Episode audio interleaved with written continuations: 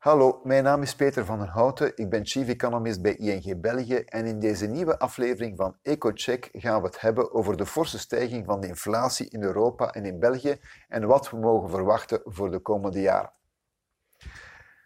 Begin september werden de inflatiecijfers voor augustus 2021 gepubliceerd. En het minste wat we kunnen zeggen is dat ze niet onopgemerkt voorbij zijn gegaan, want in zowat alle kranten was het groot nieuws. In België bedroeg de inflatie, dat is de jaar op jaar verandering van de consumptieprijzen, in augustus namelijk 2,7 procent. Maar in de eurozone was het zelfs nog wat meer, met een inflatie van 3 procent, onmiddellijk ook het hoogste pijl in 10 jaar tijd. Dit hoge cijfer kan zorgen baren en sommigen zeggen zelfs dat we een periode van zeer sterke prijsstijgingen of zelfs hyperinflatie tegemoet gaan. Er zijn inderdaad krachten die de inflatie hoger duwen, maar we mogen ons toch niet blind staren op de jongste cijfers, want die werden vertekend door heel wat speciale factoren. Met name de energieprijzen hebben een heel sterke invloed gehad op de jongste inflatiecijfers. Zo was de olieprijs in 2020 gekelderd door de pandemie en de lockdowns die voor heel wat minder vraag naar olie zorgden.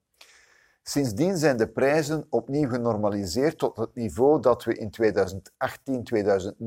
2018-2019 hadden, maar in vergelijking met het zeer lage pijl van 2020 is dat natuurlijk een flinke stijging. Als we volgend jaar terug vergelijken met de normaalprijs van de olieprijzen, zal dat inflatie-effect grotendeels wegvallen. En vandaag is dat effect behoorlijk hoog. Uh, als we geen rekening zouden houden met die energieprijzen, ja, dan bedroeg de inflatie in België en in de eurozone amper 1,6 procent. En zelfs dat cijfer is voor Europa nog vertekend. Zo was er in 2020 een tijdelijke btw-verlaging in Duitsland, die in 2021 weer ongedaan is gemaakt. Maar jaar op jaar ja, betekent dat voor 2021 wel een opwaartse druk, op, een opwaarts effect op de prijzen, dat volgend jaar opnieuw zal wegvallen.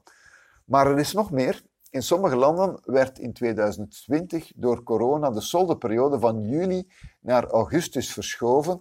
En dat geeft nu ook een vertekening, want je vergelijkt de cijfers of de prijzen van 2020, de normale prijzen van 2021, met de soldeprijzen van 2020, wat een opwaartse druk op de inflatie heeft gegeven, maar wat opnieuw zal wegvallen in de komende maanden.